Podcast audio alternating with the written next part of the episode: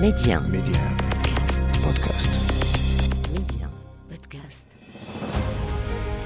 يقال من لا تاريخ له لا مستقبل له والتاريخ المغربي ماض مجيد يحفل بالوقائع والأحداث أفتح معكم أنا محمد الغول كتابه وأختار لكم منه كل أسبوع صفحة من صفحاته المشرقة صفحات من التاريخ ميدي 1 محمد الغول تاريخ المغرب المغرب ضارب بجذوره في عمق التاريخ الإنساني. هذه ليست مجرد تعابير للتشدق الأدبي والمبالغة بل هو توصيف بليغ والدليل مدن مغربية تتيه حقيقة تأسيسها بين التاريخ والأسطورة.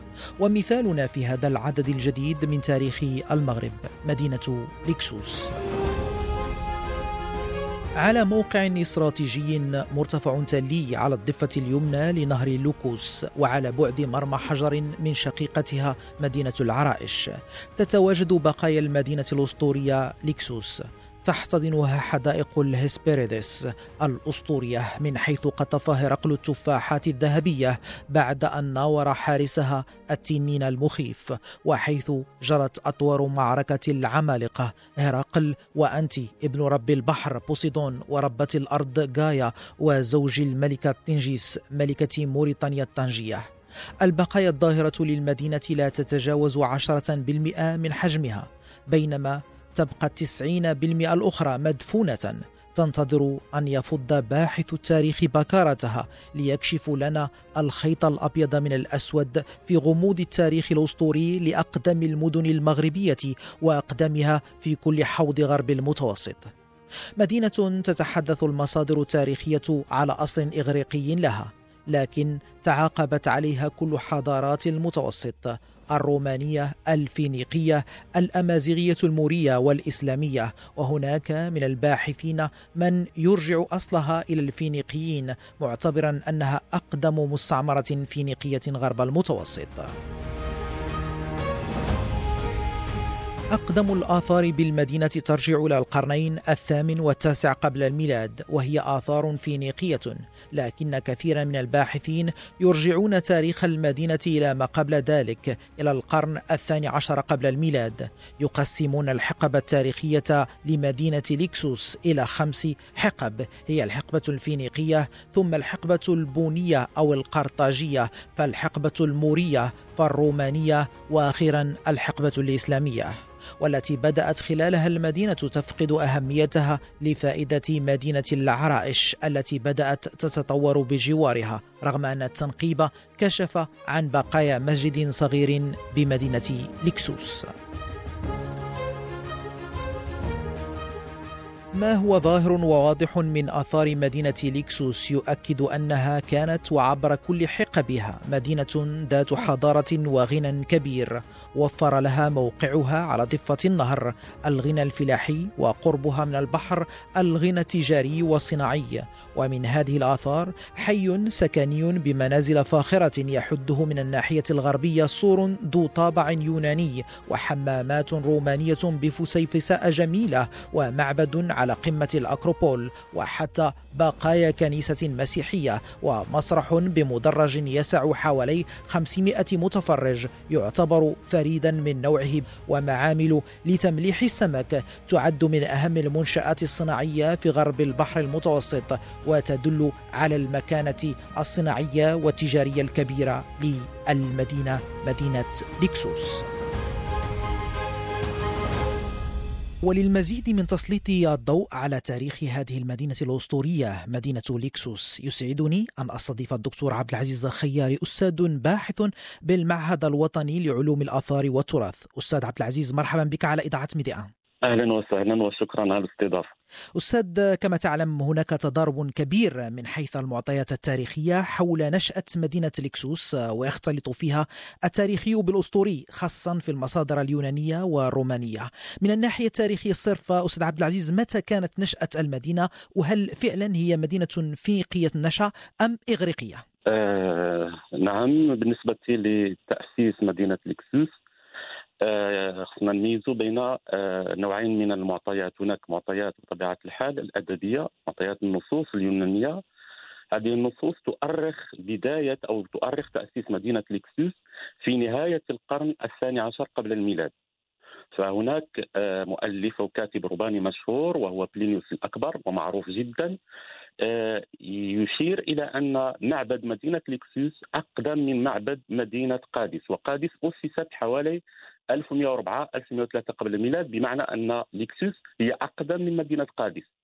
إذا أسست حسب النصوص في نهاية القرن الثاني عشر قبل الميلاد وتعتبر بذلك إذا أخذنا بالنصوص أقدم مدينة في غرب البحر الأبيض المتوسط وأقدم مدينة بطبيعة الحال في المغرب وشمال إفريقيا. إذا أخذنا بالنصوص هناك من جهة أخرى المعطيات الأركيولوجية. المعطيات الأركيولوجية تشير إلى أن المدينة أسست في نهاية القرن التاسع أو بداية القرن الثامن قبل الميلاد بمعنى أنه ربما كانت هناك مرحلتان، مرحلة أولى استكشافية قام بها الفينيقيون آه، في القرن الثاني عشر واكتفوا بتأسيس معبد لأن المعبد ضروري في التوسع التجاري الفينيقي ثم التأسيس الفعلي للمدينة تم في نهاية القرن التاسع قبل الميلاد. آه، أستاذ عبد العزيز اذا هي مدينة فينيقية. هي مدينة فينيقية بطبيعة الحال هي من تأسيس الفينيقيين وجميع النصوص بطبيعة الحال وأهم النصوص اليونانية والرومانية تشير إلى أن المدينة من تأسيس الفينيقيين. فهناك نص قديم نص جغرافي آه، ينسب إلى جغرافي إغريقي مشهور اسمه آه، سكولاكس الكارياندي هذا النص المنسوب إلى هذا الجغرافي ونص لا يعرف مؤلفه ونص مهم جدا يشير يعني صراحة إلى أن مدينة ليكسوس آه، توجد على بطبيعه الحال على نهر ليكسوس كان يحمل نفس الاسم وأنها مدينة فينيقية. وكانت بطبيعة الحال إلى جانبها يشير هذا النص إلى مدينة أخرى مدينة محلية كانت متواجدة في نفس الوقت. بمعنى أن هناك مدينتان مدينة فينيقية آه، يعمرها الفينيقيون وكانت بقربها مدينة محلية يسكنها الليبيون. والليبيون هذا اسم يطلق من طرف الإغريق على جميع آه، سكان شمال إفريقيا. وهم بطبيعة الحال أجداد الأمازيغ الحاليين آه، عبد العزيز إذا ربما هذه الإشارات إلى أنها مدينة إغريقية مرتبطة بالأساطير الإغريقية ربما أكثر منها بالحقيقة التاريخية. هي مدينة فينيقية ولكن كانت مدينة مشهورة بطبيعة الحال وقد ارتبطت بها أساطير إغريقية لأن المعروف أن الفينيقيين لم يتركوا أدبا أسطوريا أو لا نعرف يعني ليست هناك مصادر آه، فينيقية تتحدث عن المستوطنات الفينيقية في الغرب. ولكن آه، نتوفر على أساطير يونانية وهي أساطير متعددة مرتبطة بهذا الموقع. يمكن أن نفصل فيها شيئا ما إذا إذا أردتم. من الممكن الحديث على هذا الجانب أو أن تفصل لنا أستاذ أكثر في هذا الجانب الأسطوري للمدينة ربما شهرة المدينة مرتبطة بالأساطير أكثر منها بالمصادر التاريخية الصرفة لأن هناك حديث آه، على علاقة المدينة بهرقل وأن المدينة هو في معناها معنى كلمة آه، لكسوس إشارة إلى التفاحات الذهبية أو أن هذا هو المعنى الكلمة لكسوس. آه، بالنسبة للقدماء أن القدماء كان في في في في في البحر المتوسط آه، كانت كل مدينة تحاول أن يكون لها أسطورة تأسيس. يعني لكل مدينة مشهورة لكل مدينة أغريقية أو أي مدينة أخرى في البحر المتوسط كان لها أسطورة تأسيس بمعنى أنها تحاول أن تضفي نوع من من من النوبل ومن القدم على كل مدينة. وبالنسبة للمغرب إن ليكسيوس هي آه، مع طنجة كانت لهما آه، أسطورة تأسيس آه، وهذه الأسطورة كان يؤمن بها بطبيعه الحال القدماء. هذه الأسطورة مرتبطة بطبيعة الحال كما تفضلتم اولا بالصراع أو العراك بين هرقل والملك الأسطوري الذي كان يسمى أنتيوس لأن هذه أول أسطورة العراق أو المصارعة التي آه، قامت ما بين هرقل هرقل هو بطل إغريقي وانتيوس هو بطل ليبي محلي وكان ملكا على ليبيا وكان يصد جميع الهجمات أو يحارب كل أجنبي يحاول أن يطأ أرض ليبيا وانتيوس هذا كان أو تقول المصادر الأسطورية بأن قصره كان موجودا في ليكسيس. لأن قصره كان موجودا في الكسيوس وكان متزوجا لامرأة اسمها بينغا وسأرجع إلى هذه المسألة. وهرقل عندما طلب منه أن آه، يأتي بالتفاحات الذهبية التي كانت توجد في جنة أو بستان التفاح الذهبي وهذا البستان كان يوجد حسب النصوص اليونانية قرب ليكسوس فكان العائق الأول بالنسبة للهرقل هو بطبيعه الحال أنتيوس لأنه هو ملك ليبيا. يعني يبسط نفوذه على ليبيا ولا يدع أي أجنبي آه، يدخل إلى هذه الأرض. وبالتالي وقع صراع وعراك بين هرقل وأنتيوس. وأنتيوس هذا كان جبارا قويا يستمد قوته الخارقة من الأرض لأن أمه هي جايا الأرض وكان يستمد منها القوة. قد فطن آه، هرقل إلى موطن القوة وهو موطن الضعف أيضا. فعندما كان يعاركه حاول مرات وتمكن من رفعه يعني حتى لا تطع قدماه الأرض وبالتالي فقد فقد أنتيوس قوته وبهذا انتصر عليه آه، هرقل. بعد ذلك قتل بطبيعة الحال أنتيوس وتزوج آه، هرقل بأرملته وهي تينجا وأنجب منها ولدا اسمه صوفاكس وصوفاكس هذا سيبني مدينة وسيسميها تينجا تشريفا لامه وتينجا هذه مدينة طنجة، اذا هذه الأسطورة مرتبطة بليكسوس وبطنجه كذلك، آه. هذه هي الأسطورة الأولى. هل هناك أسطورة أخرى مرتبطة بمدينة ليكسوس أستاذ عبد الأسطورة الثانية وهي أسطورة مشهورة وهي مرتبطة أيضا بالأسطورة الأولى وهي أسطورة بستان أو جنات التفاح الذهبي، وهذه الجنة تقول الأساطير اليونانية بأنها كانت توجد في أقصى غرب العالم المعمور. يعني كانت مخفية وموجودة في أقصى الغرب يعني على حدود العالم المعمور وقريبا من عالم الآلهة. وهذه الجنة كانت توجد بها أشجار تنتج فاكهة آه، سميت بالتفاح الذهبي. وهذه الفاكهة للإشارة هي فاكهة الخلود هي فاكهة الحياة وهي كانت مخفية في هذا المكان القصي من العالم المعمور. وقد طلب من هرقل بأن يأتي بتفاحات من من هذا البستان. فهذه الجنه كان يحرسها اولا تحرسها هسبريسات وهي عرائس المساء وبنات الغرب. وكان يحرسها أيضا تنين مرعب له 100 رأس إلى آخره. فتمكن هرقل من الدخول إلى آه، هذه الجنة والبستان بتواطؤ مع الهسبريسات لأنهن قمن بتخدير التنين وتمكن بذلك هرقل من الدخول إلى الجنة ومن قطف آه، التفاحة الذهبية وللعلم فإن هذه الجنة كانت محرمة على البشر يعني محرمة على أي بشري أن يدخلها لأن جنة إلهية وموجودة في عالم آه، خفي ومجهول وعلى حدود العالم المعمور. هذه القصة وهنا كاين مفتاح كاين إشارة لبلين وهي مهمة جدا وتعطينا مفتاحا لتفسير للبحث عن دلالات ورموز هذه القصة يقول بلين معلقا على أننا نريد القصة ولكن يعلق عليها قائلا. وبلين كما قلت أو بلينيوس الأكبر هو كاتب معروف جدا كاتب روماني معروف يقول أن التنين في الواقع لم يكن إلا نهر ليكسوس وهو اللوكوس الحالي. إلا نهر ليكسوس وهو يشبه التنين بالتواءاته وانعراجاته.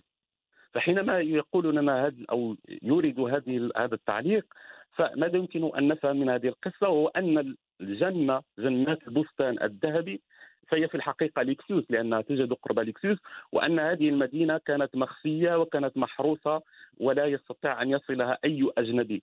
فهرقل هو البطل الإغريقي وهو فاتح البلدان إلى آخره وهو الأول بشري يستطيع الوصول إلى هذه الأرض المخفية إلى آخره ويقطف منها التفاح الذهبي وهو فاكهة الخلود وهي إشارة ربما إلى الثروات أو الكنوز أو إلى آه، آه، أشياء من هذا القبيل أو دلالات القصة. ربما هذا يحيلنا أستاذ عبد العزيز إلى الإشارة بأن ربما رغم أن هذه أساطير الا فيها جزء من الحقيقة مرتبط ربما بطريقه آه، الكتابة لدى الاغريق البناء على حقائق لتحويلها إلى اساطير ربما أشرت إلى أن انتي كانت قوته مرتبطة بالأرض في إشارة ربما إلى أن شعوب منطقة شمال غرب إفريقيا أمازيغ أو قبلهم كما كانوا يسمون البربر أو الليبيون مرتبطون بقوة قوة بالأرض ربما. تماما تماما. وأنه انتيوس هذا إشارة كذلك وملك أسطوري بطبيعة الحال. ولكن كما تفضلتم وإشارة إلى اعتزاز هذه الأقوام بأرضها وبصد جميع الهجومات التي كانت تأتي من الخارج وكانت هجومات بطبيعة الحال.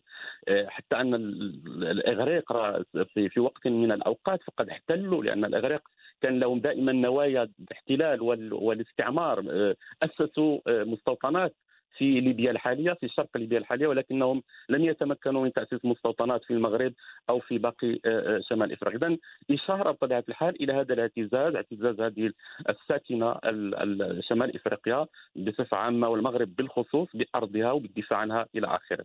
نعود أستاذ عبد العزيز إلى الجوانب التاريخية الصرفة.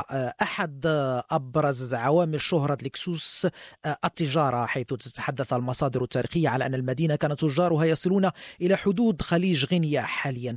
آثار المدينة تدل على تقدم صناعي وتجاري كبير أستاذ عبد العزيز أليس كذلك؟ آه، تماما. واولا منذ البداية منذ البداية لأن قلنا أنه من أن المدينة من تأسيس الفينيقيين وقد اسسها الفينيقيون في مكان استراتيجي مهم. لأن الموقع وموقع تشومش حسب النطق المحليين تشومش وهي ربوة أو كوديا تعلو آه، البحر وسطح الأرض ب 80 متر وهي ربوة محصنة طبيعيا وهي توجد قريبة من البحر وكانت تطل على بحيرة لأن الدراسات الأثرية والجيومورفولوجيا أثبتت بأنه ربما كانت هناك بحيرة في مصب النار وكانت المدينة توفر على ميناء طبيعي واستعملها الفينيقيون كقاعدة لتجارتهم الأطلسية يعني لتجارتهم على طول السواحل الأطلسية. ونحن نعرف حسب الأبحاث الأثرية وحسب المعطيات الأثرية نعرف أنه كانت هناك مراكز فينيقية في جنوب المغرب وأهم مركز يعني ثبت اثريا آه، عندنا معطيات أثرية هو مركز موغادور أو جزيرة الصويرة الكبرى. هذه الجزيرة كان يتردد على الفينيقيون بطبيعة الحال وكانت مركزا لم تكن مدينة كانت مركزا تجاريا وكان يتردد عليها بطبيعة الحال فينيقيو ليكسوس يعني تجار وبحاره ليكسوس وكان هذا المركز أيضا هو نقطة انطلاق إلى الجنوب المغرب أيضا للبحث عن المواد الأولية التي كانوا في حاجة إليها وهي متعددة منها مواد آه، معدنية وأيضا هناك كان يبحثون أيضا عن الجلود الحيوانات عن بيض النعام وعن العاج أيضا. يعني هذه كلها من المواد الأولية التي كان يبحث عنها الفينيقيون وكان يتم تصديرها بطبيعة الحال إلى مناطق أخرى من البحر المتوسط. فقد ثبت مثلا في إسبانيا وجود عدد كبير جدا من بيض النعام الذي جلب من المغرب بطبيعة الحال. وكان هذا البيض لأن يعني بيض النعام كانت له قيمة مهمة بالنسبة للقدماء لأنه كان يرمز إلى البعث وإلى التجدد وإلى الحياة إلى آخره وكان يوضع في في القبور. وبالتالي ففي إسبانيا تم العثور على عدد من من المدافن التي تحتوي على عدد كبير من هذه من من بيض النعام. كما عثر أيضا على أدوات وعلى آثار مثلا موائد أو كذا صنعت من العاج. حتى العاج كان له ولا زال إلى اليوم له قيمة آه، كبيرة جدا. بالتالي بالنسبة لغينيا إلى آخره لا ليست لنا لحد الآن أي دلائل أثر يعني ليست لدينا دلائل اثريه تثبت وصول الفينيقيين إلى غينيا أو آه، إلى ما بعد آه، ود درعا، ليست هناك أي أي دلائل أثرية. لن آه. تبقى هذه فرضيات ولكن لا يمكن أن نثبتها أثريا.